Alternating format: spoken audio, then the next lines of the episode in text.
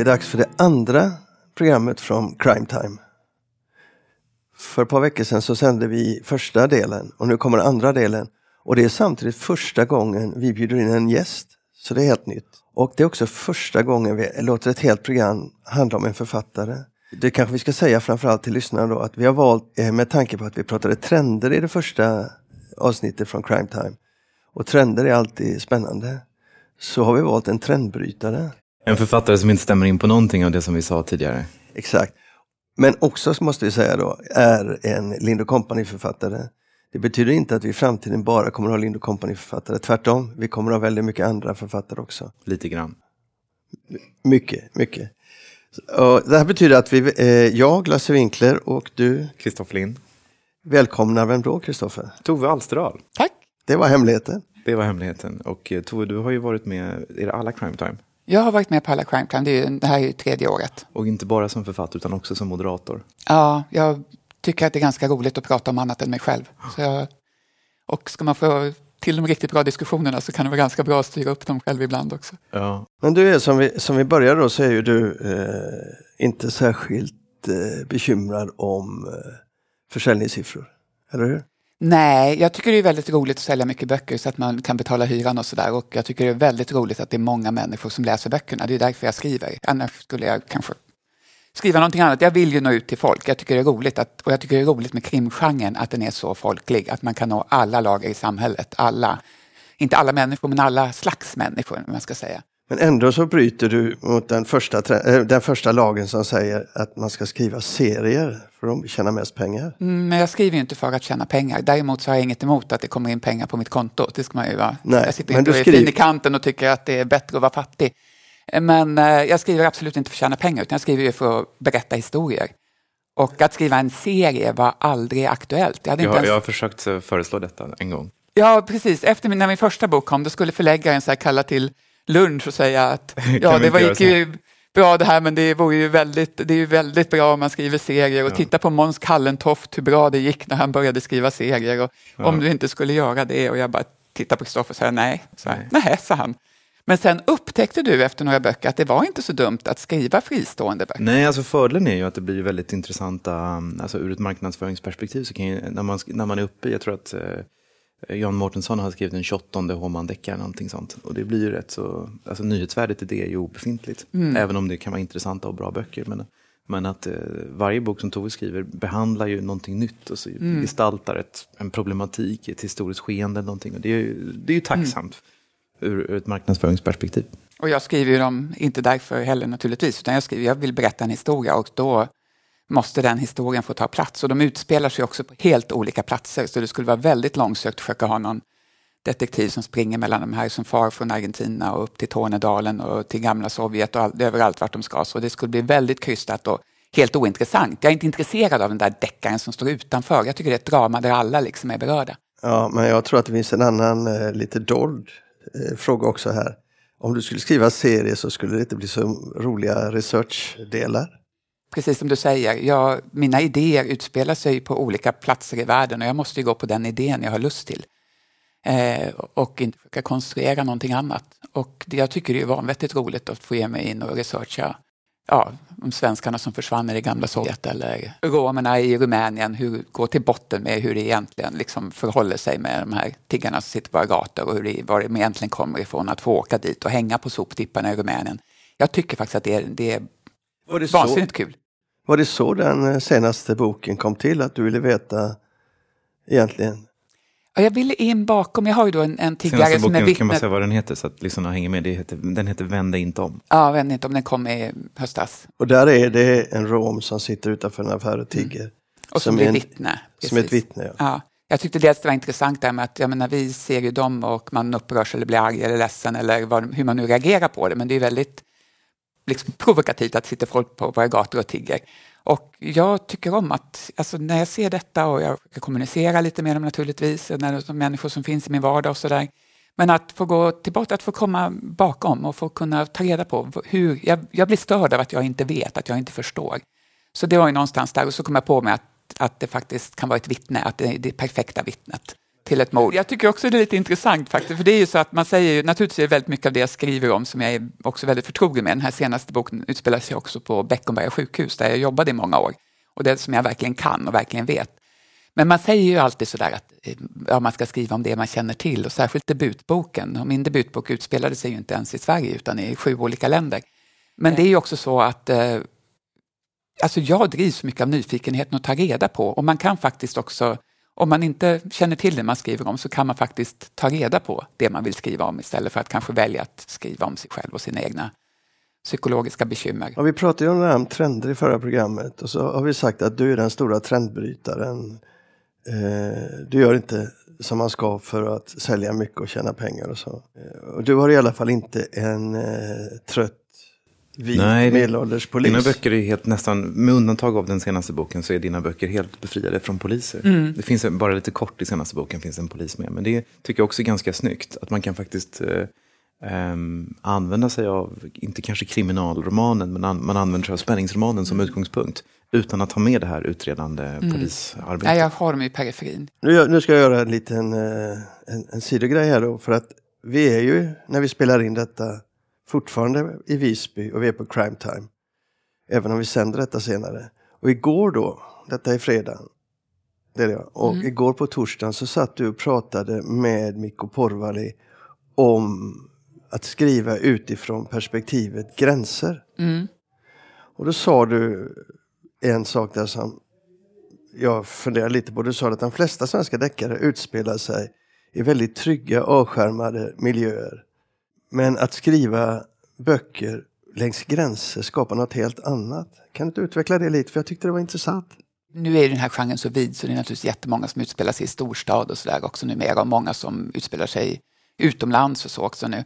Men eh, klichébilden, den traditionella svenska deckaren har ju varit den här lilla staden. Det har liksom varit Fjällbacka, Ystad eller vilken man har någon Sundsvall eller man har någon, ja, det här svenska, lite mindre samhället i alla fall. Och där eh, allting är, på något vis har varit tryggt och välordnat och så händer det något och så står alla och tänker, åh, hur kunde detta hända här? Och jag har liksom inte, jag känner mig inte hemma i det, jag har aldrig bott i någon svensk småstad, jag förstår det inte riktigt nästan. Utan eh, min släkt, min familj kommer från de här gränslanden och eh, jag vet inte om det gör att jag tänker annorlunda, men jag är bara, jag bara, alla mina böcker, alla mina idéer råkar hamna vid de här gränserna på något vis, eller eh, korsa gränserna och så. Och det är ju en helt annan miljö. I Tornedalen där min släkt kommer ifrån har man aldrig suttit och känt, fast en liten by, suttit och känt sig lite trygg och tänkt åh, hur skulle det kunna hända någonting farligt här? För man har varit mitt i kriget, man har haft Ryssland på andra sidan ganska nyligen.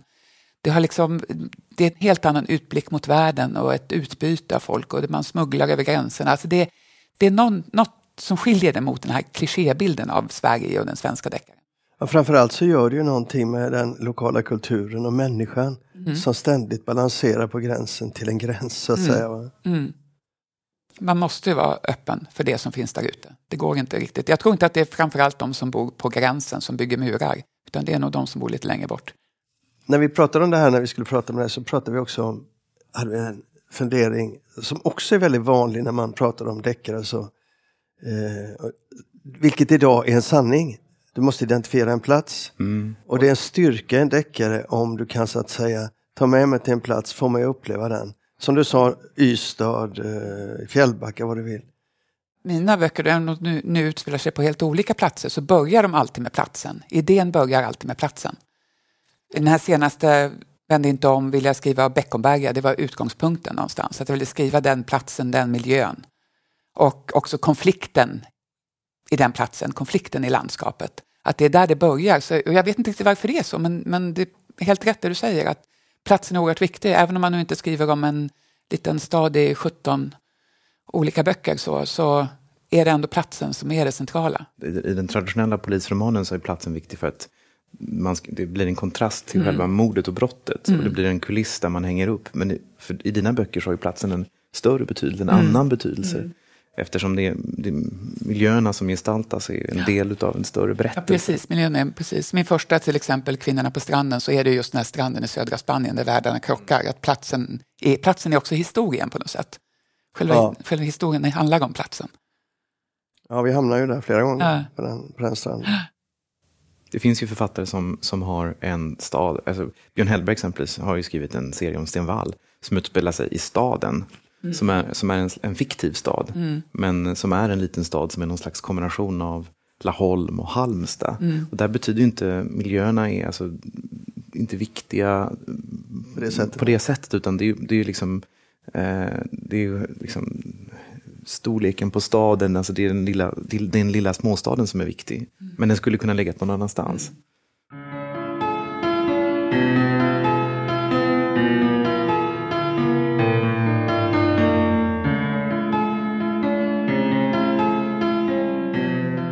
Förra året på Crime Time så hade du ett seminarium Tove som hette Deckarkungar finns de? Och det var med Håkan Esser, Arne Dahl och Kristoffer Karlsson som, som du kallade för deckarprins. Och det där var ett väldigt roligt seminarium. Det var nog det bästa jag har varit på på Crime Time någonsin faktiskt. Alla var väldigt öppna och det blev ett intressant samtal. Men vad var liksom, kan du berätta lite grann var, var, varför var, hade du det där? Ja, jo, jag hade ju hittat på det själv då. Eh, och det var ju en, eller jag ska säga det att det jag tycker är roligt med Crime Time, som inte jag varit med om på andra festivaler, i och för sig de andra utländska, man har inte alls samma närkontakt med dem, men att man verkligen har möjlighet att styra upp samtal som man själv vill ha, och att därför faktiskt kan gå lite djupare också.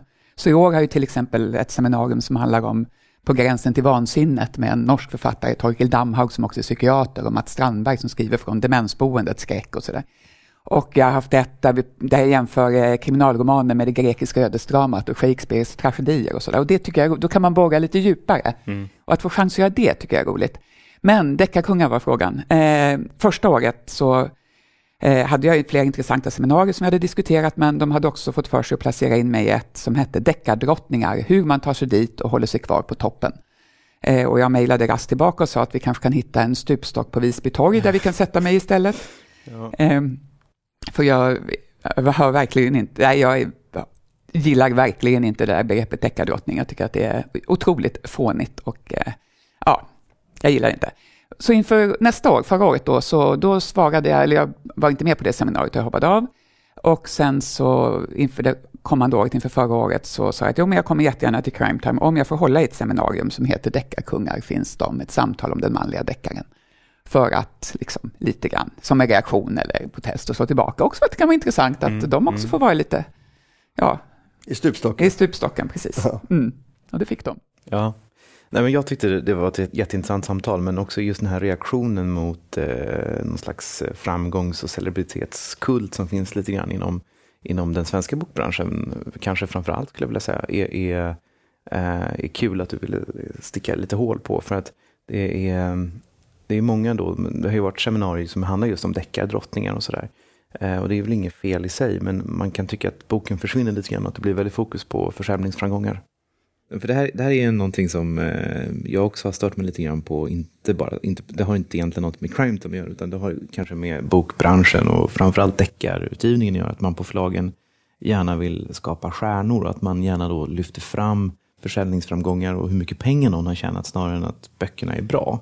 Jag kommer ihåg en, en intervju jag läste med eh, Camilla Läckberg i Göteborgs-Posten 2012. Jag minns detta för jag läste den på flyget från London, för jag kom från London just det året.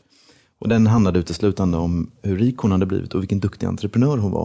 Och jag tänkte då att det här är första gången som, eller det har hänt någonting när det är finare att vara entreprenör än att vara författare. Och att det egentligen är djupt sorgligt. Och också i den här, den här fokuseringen på framgång så försvinner någonstans boken och texten och, och, samtalet kring boken. Ja, det här lät ju jättepretentiöst. Alltså framgång är ju väldigt roligt på så sätt att folk köper ens böcker och att man får mat på bordet till sina barn och så. Det är ju jättebra. Men det är just den här överbetoningen på framgång och att framgången i sig är någonting. Alltså framgång är eh, bra för att, som sagt, man kan försörja sina barn. Men det är eh, också farligt och det är också ganska obehagligt och det är också väldigt tomt. Ja, jag kan, precis, det är väldigt tomt. Jag kan tycka att det faktiskt är en, en nedvärdering av själva deckargenren, att man ska göra en poäng av att Camilla Läckberg är en duktig entreprenör och att hon har tjänat jättemånga miljoner. Ingen skulle komma på tanken att i ett samtal med Kerstin Ekman diskutera hennes ekonomi Nej. eller att, att intervjua Sara Danius och fråga hur känns det att ha en sån här hög lön. Ja, det är dubbelt nedvärderande, för dels, jag har ju också fått såna här frågor om att ställa upp i något glassigt magasin där det skulle handla om hur eh, man har nått framgången genom det kvinnliga entreprenörskapet. Och man bara så men hallå, det handlade väl om skrivande det jag höll Ja, på med liksom. ja. Inte därför det går bra, för att jag är en entre- nej. Eh, Eller man ska stå och posera i Gyllene salen på Operan och de ska styla en och sådär. Sen bara, nej, om ni vill prata med mig så jättegärna, men inte i någon gyllene sal. Jag skriver liksom om Stalins folkmord, det passar inte. Och ingen ska styla mig, duger jag inte som jag är, då får ni ta någon som duger då. Media är ju också besatta av att diskutera framgång. Det finns ingen saga som är så liksom populär som där, åh vad roligt att det går så bra och framgång och det måste ju kännas fantastiskt. Och det, det är trevligt men det är ingenting att prata om. Det är helt tomt. Det är helt innehållslöst och tomt. Alltså. De, de, här, de här fantastiska framgångshistorierna som J.K. Rowling som, som Ja. var så fattig så hon hade inte, Ja. kunde inte värma upp sitt hus utan Ja. hon satt och skrev på olika kaféer och sen så blir hon liksom supermiljardär. Det är ju jättekul historia och det är en bra historia och det är en historia som är värd att berättas. Mm. Men, men i de här sammanhangen så handlar det inte om det utan i de här sammanhangen så handlar det om att eh, det, det är liksom någon slags eh, glorifiering av eh, någon lyxig lifestyle-grej där man ska dricka champagne och instagramma om, när man är med de andra som det har gått väldigt bra för ekonomiskt. För där liksom böckerna och litteraturen faktiskt försvinner helt bort. Jag skulle, det jag skulle säga också vara att det är dubbelt förnedrande, för att det är också så att det, dels är det väl kanske så att det är kvinnor som utnyttjar det här mest, Ja. skulle jag tro, men det är också så att, att eh, det är kvinnor som buntas ihop i att vara deckardrottningar. Det, man gör inte det med män på det sättet, eller manliga författarna. De manliga författarna får mera stå för sig själva. Så det är liksom en dubbel fälla på något sätt, Ja, där det är många det är- som spelar på det själva, men också att, att man blir utifrån hopklumpad. Det är en väldigt bra Så jag har slagits mot det här från dag ett. Ja, det vet ju du Kristoffer, att jag säger nej till saker och så här, så blir förläggaren lite ledsen för att det här hade varit fin marknadsföring och sådär. Men nej, inte när det handlar om att man ska stå där och ja, vara någon, att, att vara i den där liksom deckardrottningsgrejen. Alltså då är inte jag med, Nej. utan jag pratar om mina böcker. Men du som bevakat branschen som journalist ganska länge, kan du säga att det liksom har... När, när uppstod detta och varför? Liksom? Vad är mekanismerna bakom det här? Den kommer när svensken i allmänhet och framförallt svenska media upptäcker svenska författares gångbarhet internationellt. Då blir glamouren dubbel därför att wow, kolla du är känd i Tyskland och du gör detta för Sverige. Och det reflekterar tillbaka på oss, vi är ett intressant land. Och plötsligt, och, och- media då drar ju ett väldigt lass här och det är den här lata journalistiken där det är så enkelt att bara köra det. Alltså du har sålt 50 000 i Tyskland, du är utgiven i 39 länder. Samtidigt som svenska författare började slå stort utomlands så började man också kunna tjäna ganska stora pengar på att sälja böcker. Ja. Alltså det hände ju någonting där. Eh, och då tror jag också att det var att eh, många också söker sig till det här. Det är klart att man har haft en dröm om att skriva en bok, det har många, men att det finns de som faktiskt också söker sig till det här för att jag vill också bli en stjärna. Precis som alla började spela tennis när Björn, det gick bra för Björn Borg eller spela musik när det gick bra för ABBA. Att, att, man, att det, det blir en helt annan, det blir andra författare också. Annan typ av människor Ja. som söker sig till författare. Ja. Och faktiskt också ha en chans att slå igenom därför att den här vågen finns.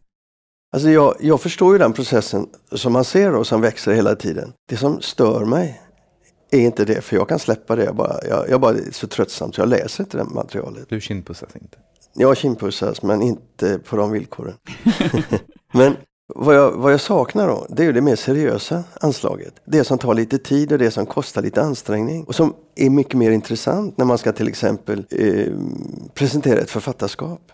Jag har ju aldrig, nästan aldrig pratat med en författare om deras författarskap eller studerat det utan att det finns massor av intressanta allmängiltiga saker att berätta och som gör att min kunskap fördjupas. Men det är ju mycket sällan jag ser detta i de här eh, glamourintervjuerna så. I, I den där glamour-reportage-genren så har ju också hemma hos-reportage blivit väldigt vanligt. Mm. Jag vet inte hur många hemma hos-reportage man har läst. Min känsla är att det här är någonting som har kommit väldigt starkt i Sverige. De senaste, de senaste åren har det verkligen eskalerat. Men eh, min känsla är också att det är liksom någon, en, en amerikansk eh, celebritetskultur som vi har anammat. Är det inte en provinsialism också i detta? Att vi tycker att det är en kvalitet i sig, vi är så imponerade över att någon är såld till 22 länder. Att, att, det, att det är en väldigt, liksom, det säger väldigt mycket om vår egen självbild. Mm. Ja, ja. Och som sagt, så fort man som svensk slår utomlands så är det väldigt, väldigt stort. Eller? Jo, men man märker också Ibland, jag, jag vet när jag till exempel har följt i spåren på Stig Larsson och Henning Mankell så har jag märkt, kommer ni ihåg den tiden då att vara svensk i den internationella bokbranschen i Storbritannien och USA det var samma sak att säga som liksom, man var genomskinlig. Finns du? Alltså svensk författare var jätteointressant. Eh, och det är inte så länge sedan. Men så kommer då Stig Larsson, ja, Henning är ju den som börjar. Mm. Sjövall var ju allra först men det är så länge sedan så det blir ett glapp där. Så kommer ju Henning Mankell framförallt. På Henning Mankells axlar står sen Stig Larsson och på Stig Larssons axlar mm. står sen resten. Då. Men när de kommer in eh, och Henning kommer in så får han en väldig respekt. Men det räcker inte. Svensk betyder fortfarande inte så mycket. Så kommer Stig Larsson. Och, och då blir det patetiskt. För då är allt svenskt fantastiskt. Jag, jag, kom på en sak när Lasse talade om eh, att Mankel och Stig Larsson var Eh, ja, de blev liksom själva sinnebilden för Nordic mm. crime eller svensk crime, men också att det fann, där fanns ett, eh, ett socialt patos, mm. ett samhällsengagemang. ska man också ja, nämna, där, absolut, som var där mittemellan och som absolut. Och, och, och, och, och framförallt kanske Sjöwall Wahlöö som ju var väldigt samhällskritiska. Jag tycker ju ibland att man kanske mm. sträcker det lite för långt, men, men det, här, det här, om man ska tala om spaningar och var vi står idag, så, så det är väl det här väl också någonting som man kan se att det här håller på att försvinna, det håller på att glida bort. Eh, att eh, det, det, finns Roslund Hellström och, och, och sådär, men att engagemanget och samhällskritiken och just den här kanske eh, no, lite nostalgiska återblickandet på välfärdsstaten som håller på att krackelera. Att det är någonting som i sam, den svenska samtidsdeckaren försvinner och ger plats åt någonting annat. Ett mer, man beskriver eh, samtiden på ett annat sätt. Det är livspussel, det handlar om att få, få tiden gå ihop. Och, men det är ganska lite eh, kritik på det sättet. Men samtidigt är ju deckan, det är, en plattityr att säga, deckan är ett väldigt bra instrument för att beskriva samtiden. Ja, men det är det sättet den gör. Men alltså den, den, den, här, det här samhällskritiska anslaget som fanns, väldigt samhällskritiska från Sjöwall Wahlöö och sen så Mankel och Stig Larsson, Lisa Marklund, Rosen Hellström, att det finns ju naturligtvis kvar. Men det är någonting som man har uppfattat som väldigt nordiskt och väldigt mycket av Nordic crime. Men att om man ska spana så där så kan jag säga att det här håller på att försvinna och ersättas av någonting annat. Mm. Det finns inte hos Sofie Sarenbrant eller Camilla Läckberg. Men det finns hos eh, dig Tove. Mm. Jag skulle svara precis på det också, det man kan ju inte sitta och tänka ut, eller jag skulle inte i alla fall sitta och tänka ut vad är det som funkar, vad är det man ska sälja, nu ska jag göra likadant som de här, de här sålde bra, då ska jag göra någonting liknande.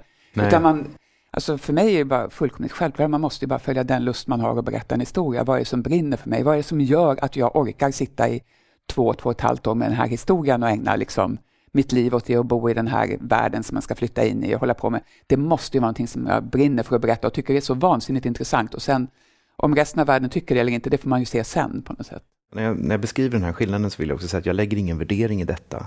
Det är klart att det är bra om deckaren har, liksom, om det finns en vilja att berätta något större än, än, än bara liksom en trivial historia. Men jag lägger ingen värdering jag kan tycka att det har varit ganska mycket gnäll liksom, på att samhället faller samman och liksom, mm. vi står vid världsände. Och, liksom, um, så, så det, jag lägger ingen värdering i det i sig, men, men där kan man se att det har försvunnit lite grann. Men samhällsengagemanget finns ju i dina böcker Tove. Mm. Men det finns ju inte den här, du, du liksom gestaltar problem, skeenden. Det finns ju inget nostalgiskt tillbakablickande. Nej, nej, nej, verkligen inte. En, en, annan sak som jag eh, tänker på ibland och som jag tycker bör sägas i samband med att Lasse kritiserar svenska förlag för att vi ger ut för lite översatt och det är för mycket fokus på det svenska. Och det tror jag att när folk läser deckarna så omedvetet eller medvetet så vill man läsa om sig själv men man vill också spegla sig och man vill ta del av, av, av saker man känner igen sig i. Och där tror jag att deckare eller underhållningslitteratur som, som inte har ambitionen att vara samhällskritiskt eh, ändå gestaltar liksom samtidsproblem omedvetet. Och att det är därför som det som ligger oss närmast också är, är det vi gärna, gärna förhåller oss till. Men det är väl också det att det, deckaren har ju den, eh, ofta den här traditionella deckaren, har ju den eh, förmånen i det läget, att, eller i den situationen, att vara trygg.